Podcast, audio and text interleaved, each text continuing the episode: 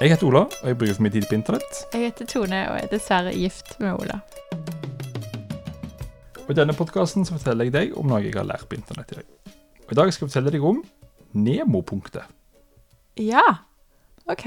Mhm. Det er altså et eh, punkt i havet eh, som er lengst fra land.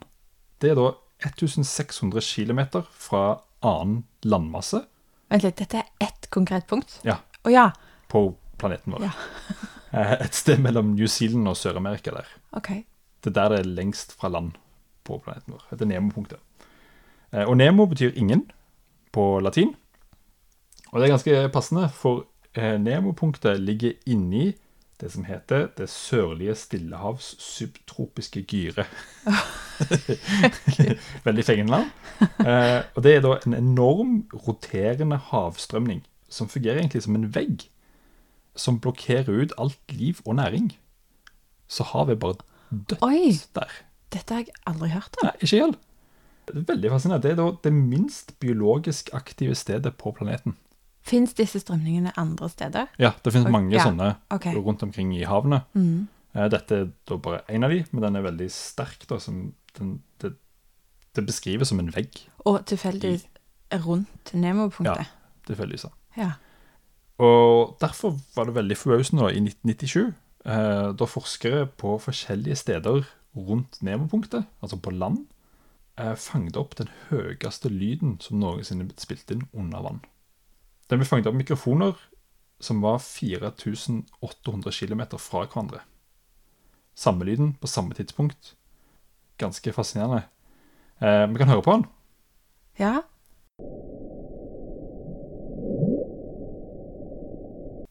Oi, dette høres jo ikke høyt ut for meg, men jeg er jo ikke en hav...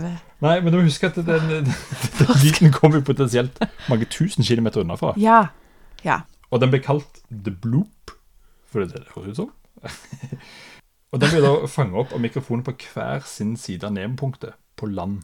Og det har, altså, konteksten her er at det aldri har blitt fanget opp tilsvarende lyder før. Nei, en Eller- så høy lyd. Eh, for de er jo 5000 km unna hverandre, disse mikrofonene. Og på samme tidspunkt hører de samme lyden. Mm, Det er jo helt absurd høy lyd.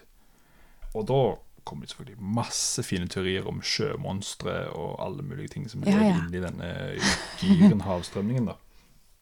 Og det tok ti år før forskere fant ut hva den lyden var. Og så var det ikke så spektakulært, da.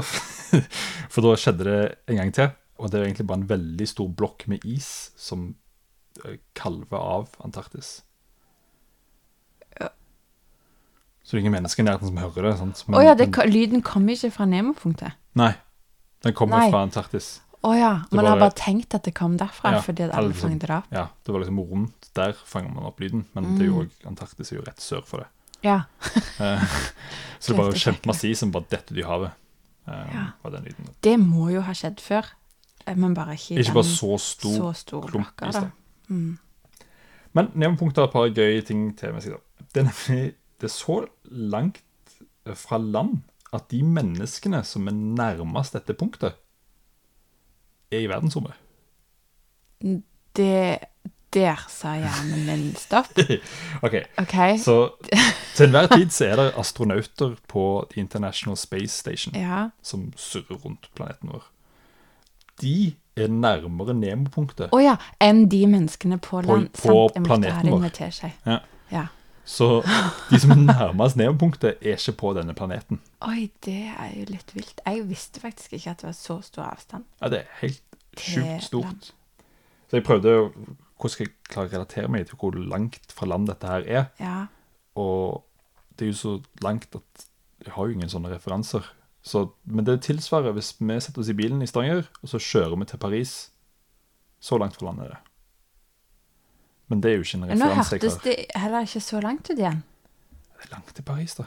Ja, ja. Altså, Du, du må jo via Danmark og greier. Ja, det høres ikke verdensrom langt ut. Nei, verdensrom er ikke så langt unna. Verdensrommet Nei, altså, kanskje det er takeawayen fra dette. Ja. uh, International Space Station er 415 km fra jordskorpa til enhver tid. ja. OK. Det er jo ikke så fryktelig langt. Nei, det er ikke sånn kjempelangt. Og dette er jo 1600 km fra landet. Mm. Uansett. Så folk i verdensrommet det er de som er nærmest dette punktet. til enhver tid. Det er ganske kjekt. Og siden det er så langt fra land og mennesker og skipsruter, og at det omtrent er ingen liv i vannet der, så har Nemo-punktet blitt gravplassen for ting i verdensrommet. Så når en satellitt eller et romskip eller et eller annet som har oppe i atmosfæren der, ikke trengs lenger, så sendes den tilbake til jorden. Som regel brenner de opp på en her, men de sikter alltid på Nemo-punktet når de sender de tilbake. Så hvis noe ikke brenner opp, så detter det der som de potensielt skader ingen.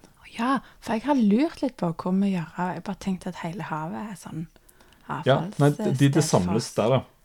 Eh, Så i 2016, eller det nyeste tallet jeg har funnet, så var det 263 registrerte spacecrafts da, som har blitt kasta ned i Nemo-punktet. Har det vært strid om sånn eierskap til dette? Det er jo typisk sånn som kommer opp. Nei, det er jo ikke et land. Nei, det er, nei, det er jo Det er bare et punkt det. i havet. Ja.